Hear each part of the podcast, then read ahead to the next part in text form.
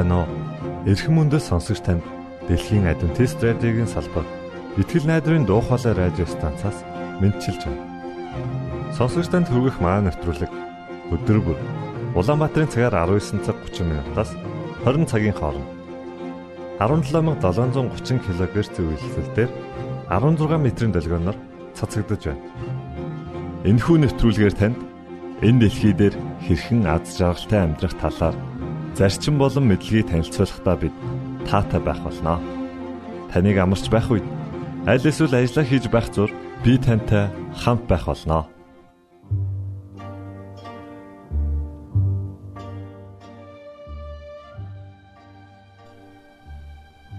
Өнөөдрийн хөтөлбөрөөр магтан дуул хэмэх эртний ариун дуулыг та бүхэнд хүргэж байна.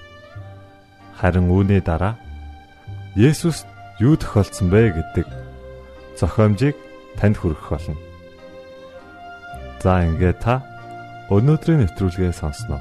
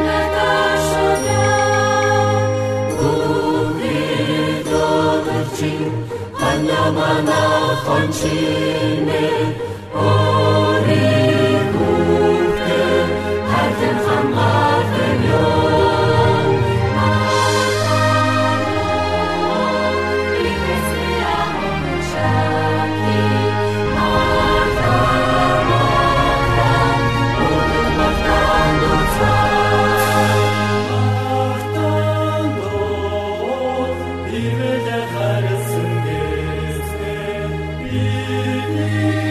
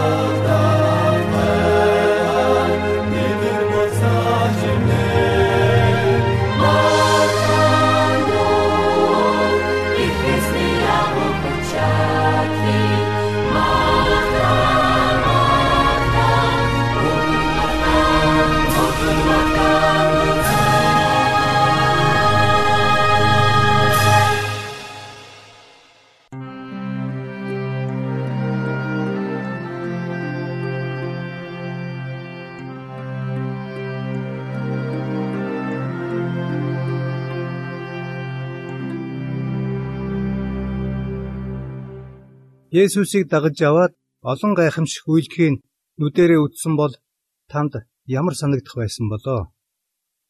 Есүсийн шав нар хүртэл багштайгаа өдөр бүр цуг байдаг байсан атлаа агуу их хүч чадал эрх мэдлээ харуулхад нь гайхан биширдэг байжээ. Марк 4:35-аас 41 дүрсэлсэн тийм нэгэн явдлыг ярилцъя. та тэр үйл явдлыг нүдэрээ үзэж байна гэж төсөөлөөрэй.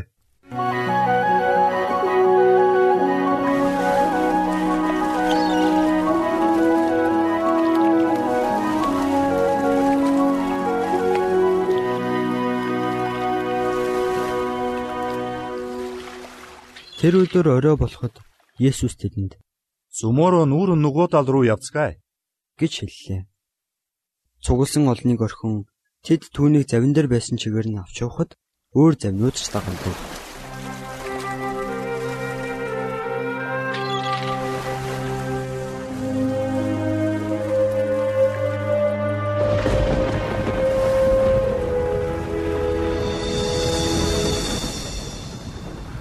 Тэнд хүчит салхи үүсэж давлгаа завийг нүмрэн ирж зав хэдийн усан давтжээ. Есүс завны хитэгт дэр дэрлээд унтаж байлаа. Шавнар нь түүнийг сэрэж "Багшаа, бидний өхөн танд хамаагүй гэж үү?" гэлээ. Есүс сэрээд салхийг буруу шааж нуурт "Чимээгүй, намд" гэж айлдав. Салхи зогсож шуурга бүр нам гүн болов. Тэр тэдэнд ингэж хэллээ. Та нар юунт ингэдлээ айн вэ? Та нарт яагаад итгэл байхгүй байдаг вүлээ? Тэд маш их айж бие биедээ Тэр ерөн хин юм бэ? Салхи нуур хүртэл түүнд захирагдж байдаг. гэцгээж байлаа.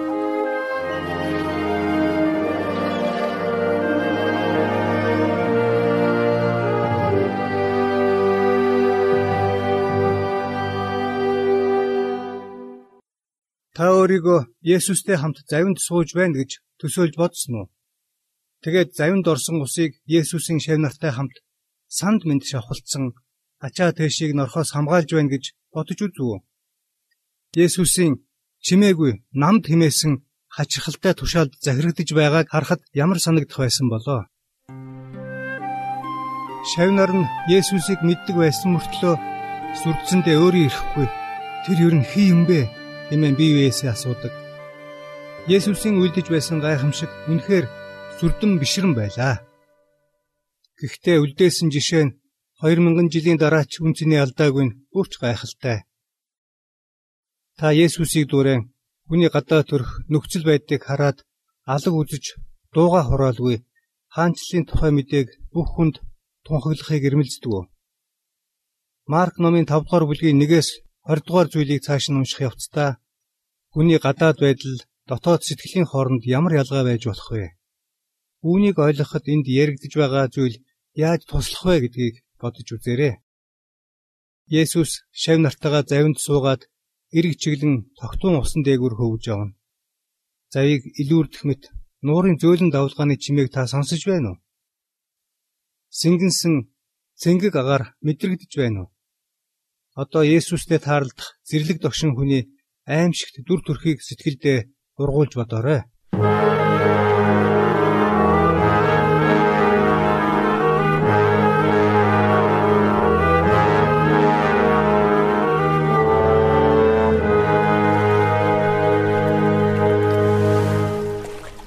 Тэд нуурын нөгөө эрэг болох Герас нутагт иржээ. Түүнийг завнаас буухад тэр даруй бузар сүнстэй хүн булснаас гарч Есүстэй уулзрав. Тэр хүний орон байр нь булснуудын дунд байв. Хинч түүнийг хүлж чаддаггүй байжээ. Бүр гинжээрч хүлж чаддаггүй байлаа. Учир нь тэр олон удаа гавтай, гинжтэй байсан ч гинжээ тастаж гаваа хідэн хэсэг болгон эвдчихдэг байв. Түүнийг номхотгоход хэний ч хүч хүрсэнгүй. Тэрээр булснуудын дунд ууланд өдөр шөнөгүй орилж чулуугаар өргөөд ийсэн.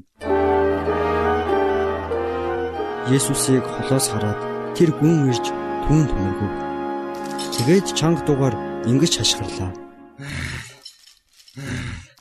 Хамгийн дээд бурхны хөө Есүс танд би ямар хамаатай билээ. Би бурхнаар танаас гоё. Намайг буу заваач. Учир нь Есүс Узар сүмс энэ хүнээс гар гэж альцсан байлаа. Есүс түүнээс чамайг хэн гэдэг вэ?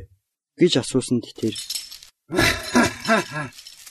Би долоолаач намайг тэгэн гэдэг гэж хариулав. Тэгээд тэр түүнээс өөрсдөг нь энэ нутгаас бүү зайлуулаач гэж хүсэмжлэн гуйж эхлэв. Тэнд ууланд гахаан их сүрэг бэлчиж байлаа. Шүтгрүүд Есүсээс Бидний гар авъя хулаач. Бид тэдний дотор оръё. гэж гуйхад Есүс тэдэнд зөвшөөрөв.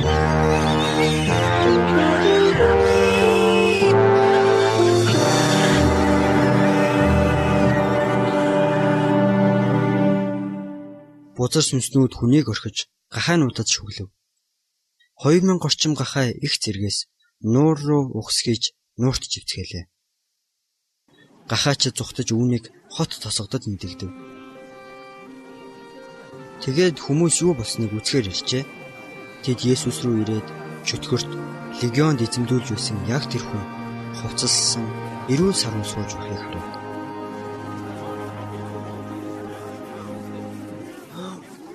Би зүгээр болчихж. Би үнэхээр зүгээр болчихжээ. Тэд ихэд айв. Үтсэн хүмүүс тэр хүнд юу тохиолдсныг болон гахаануудын тухай ярьж өгчээ. Тэд Есүсийг нутгаасаа явахыг гуйж эхлэв. Бурхны хүн хүн эндээс явж хайрл. бидэнд зовлон бүү учруулаач. Есүсийг завинд суух үед чөтгөрт эзэмдүүлсэн байсан өнөөхөн өөртөө нь хамт бай гэж гуйж гарлаа. Багшаа. Гой. Намайг аваад яваач. Шавнартайгаа хамт аваад явал та. Есүс зөвшөөрсөнгүй. Харин түнд ингэж хэллээ. Гэртээ өөрийнхөө дээр ууж Иехова чамд ямараагүй зүйлс хийж чамд хэрхэн өршөөл үзүүлснийг тэдэнд мэдэгт. Тэр явж Есүс өөрийнх нь төлөө ямар агуу зүйлс хийж өгснийг Декаполис хэмээх газарт зарлаж эхлэв. Хүн бүр гайхаж байлаа.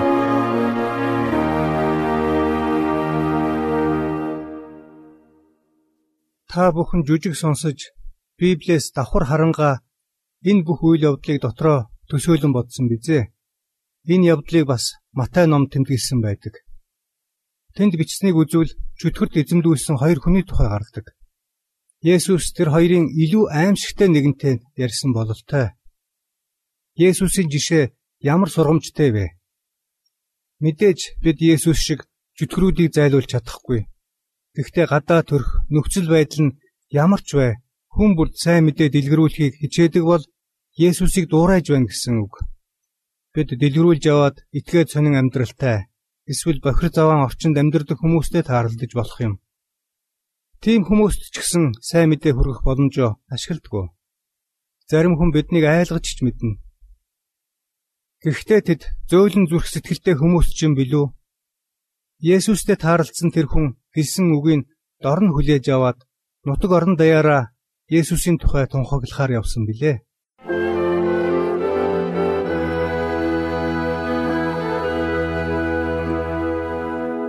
Бурхны үгийг анхааралтай уншвал өөр юу мэдэж болох вэ? Марк номын 5 дугаар бүлгийг цааш нь уншвал ирээдүйд Есүс нас барагчдыг амьлуулах цагт хүмүүс ямар их баяр хөөр болохыг улам сайн ойлгоно.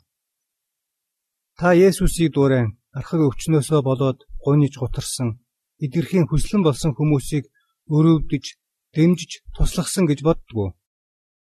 Эсвэл хэдий амаргүй байсан ч үннээ шууд хэлдэггүй. Эдгээр асуултад хариулахад тус болох санааг одоо мэдэж авцгаая. Марк 5-ын 21-ээс 43-ыг дагуулж хараарай.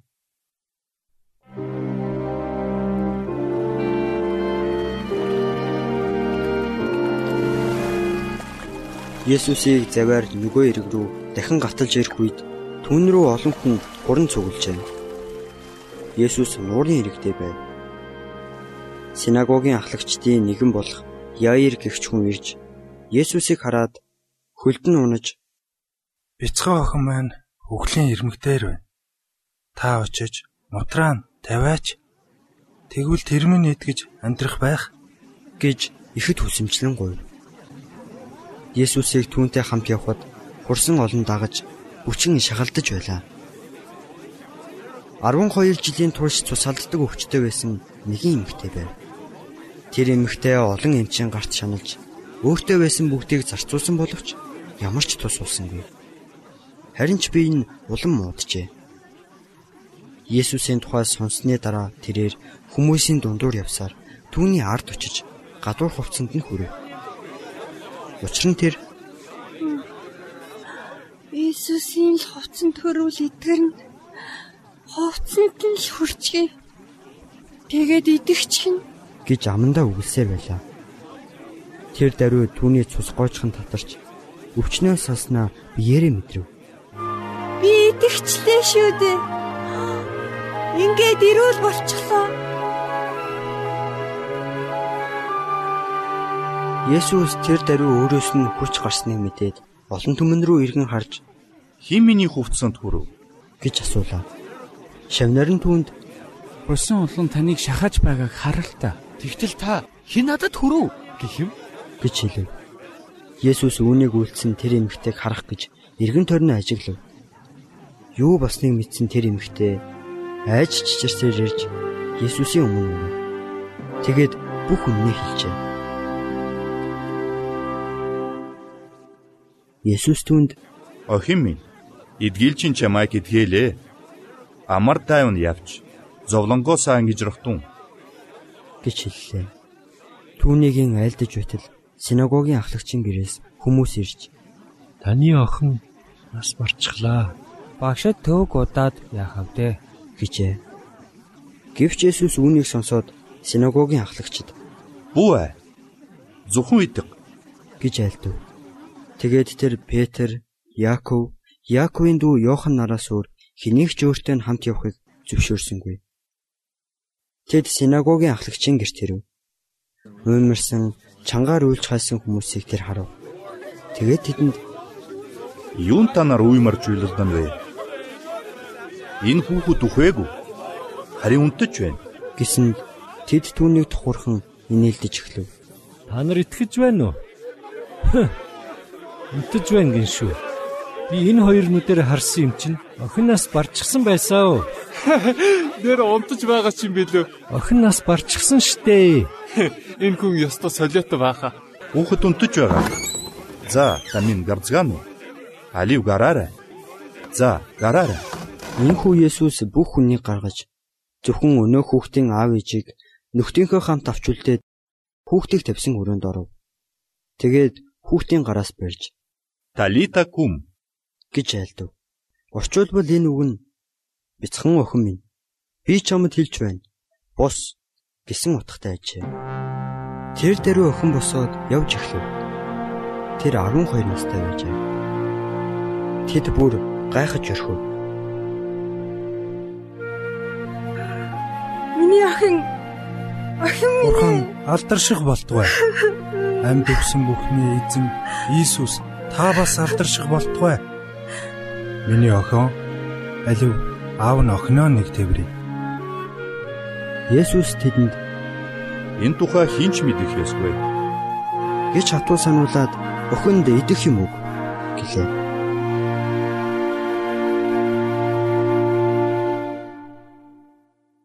Бяцхан охины дахин амилсан түүхийг сонсоод та шинэ ертөнцид сая сая хүн амьлах цагийг үзэх юмсан гэж яарч байна уу? Үе түмэн аав ээжүүд дахин амилсан хүүхдүүдтэйгээ уулзан баярын нулимс унгаж хөөр баяр болж байгаагаар төсөөлж байна уу? Эцэг эхчүүдээ Есүс хүнд өвчнөд баригдаж шаналсан эмэгтэйтэй яаж харьцсан билээ? Энэ явдал та бүхэнд ямар сургамжтай байж болох вэ? Мосегийн хуулийн дагуу тэр эмэгтэй бузар байсан учраас Есүст зориуд хүрэхэд битгий хэл олны дунд байх эрхгүй байсан. Тэр хүүхэд нь гэрийнхээ дотоод дүрмийг зөрчүүл шийтгэхээс өмнө Есүсийг дуурайн онцгой буюу уучлж болох нөхцөлийг тооцож үзэх үү? Хүүхдүүдээ та нарт ямар сургамжтай вэ? Та нар нэг зүйлийг анзаарсан уу? Тэр эмэгтэй аргагүй ирэхээр хийсэн хэрэгээ нуух гэж оролдоогүй. Харин ч тэр даруй Есүсийн өмнө очиод бурууга хүлээж бүх үннээ хэлсэн шүү дээ.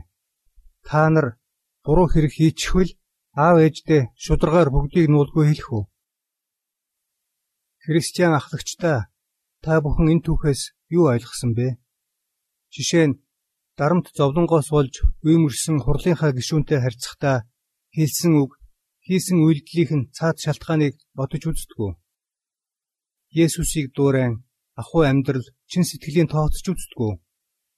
Бурхны хууль зарчмыг хэрэгжүүлэхдээ уян хатан байхыг хичээдгүй. Есүс ажлаа хойш нь тавиад тэр эмгтэйг тайвшруулах гэж сэтгэл гаргасан шүү дээ. Та нар ч бусдынхаа төлөө сэтгэл гаргадаг бизээ.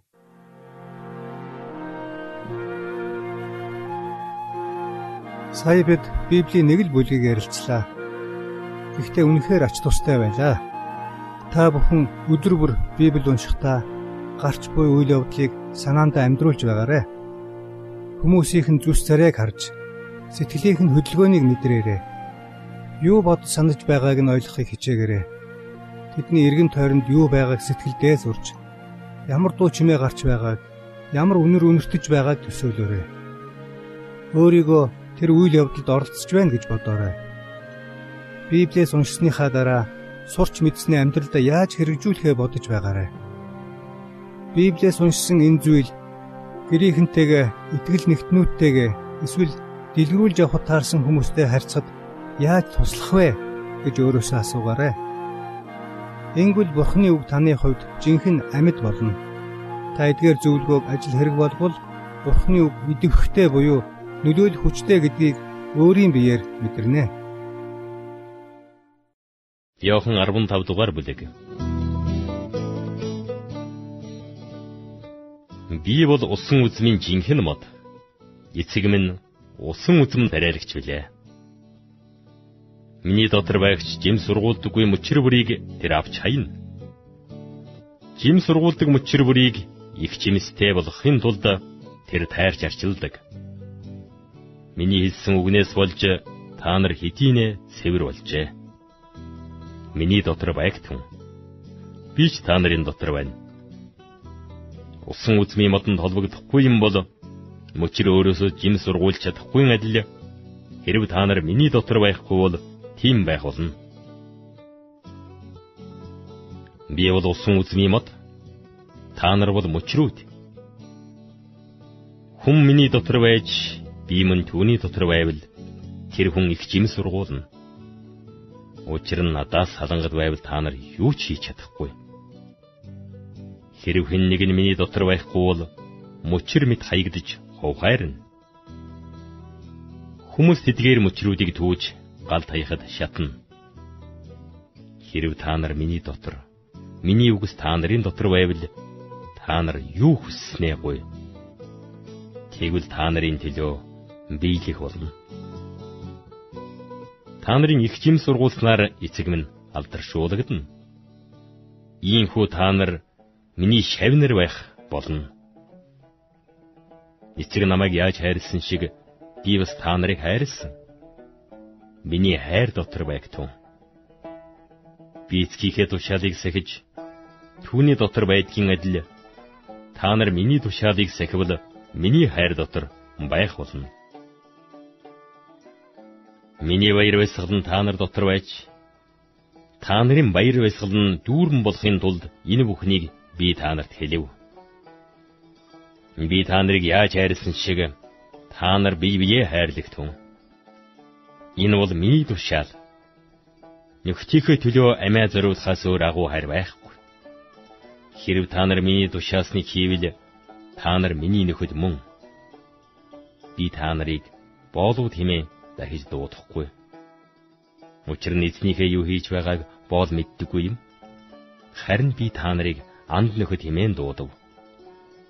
Учир нь би эцгээсээ сонссон бүхнээ та нарт мэдүүлсэн билээ.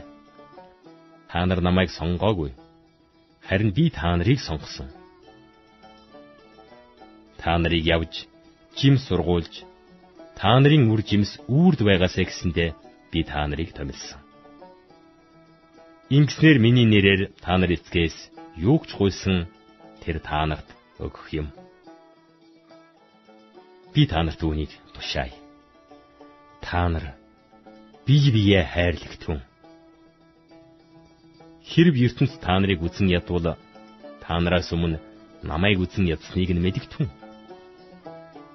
Хэрв та нар ертөнцийг байсан бол ертөнц өөрийнхнийгөө хайрлахсан. Харин та нар ертөнцийг биш гагцхүү би та нарыг ертөнцөөс сонгосон юм.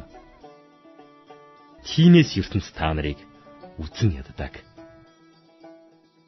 Боол эзнээсээ илүү агуу биш гэж би та нарт хэлснийг санагтун.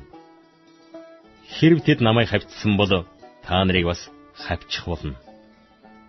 Хэрв тэд миний үгийг сахисан бол та нарыг бас сахих болно. Харин тэд миний нэрээс болж та нарт энэ бүгдийг хийх болно. Учир нь тэд намайг илгээсэн нэг нэг мэдэхгүй юм.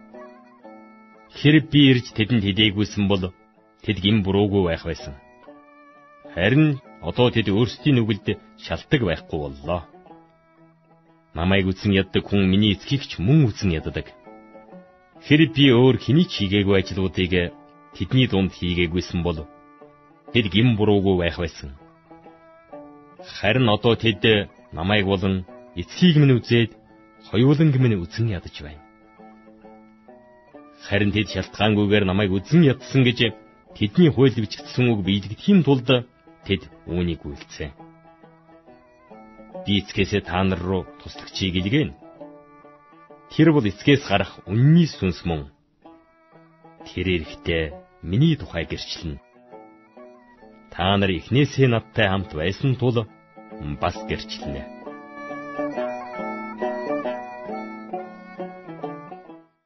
Итгэл найдрын дуу хоолой радио станцаас бэлтгэн хөрөгдөг нэвтрүүлгээ танд хүргэлээ. Хэрв та энэ өдрийн нэвтрүүлгийг сонсож амжаагүй аль эсвэл дахин сонсохыг хүсвэл бидэнтэй дараах хаягаар холбогдорой. Facebook хаяг: Satiin үсгээр Монгол заавад AWR Имэйл хаяг mongol@awr@gmail.com Манай утасны дугаар 976 7018 24 9 Шуудангийн хаяцаг 16 Улаанбаатар 13 Монгол улс Биднийг сонгон цаг зав аваад зориулсан танд баярлалаа. Бурхан таныг бивээх болтугай.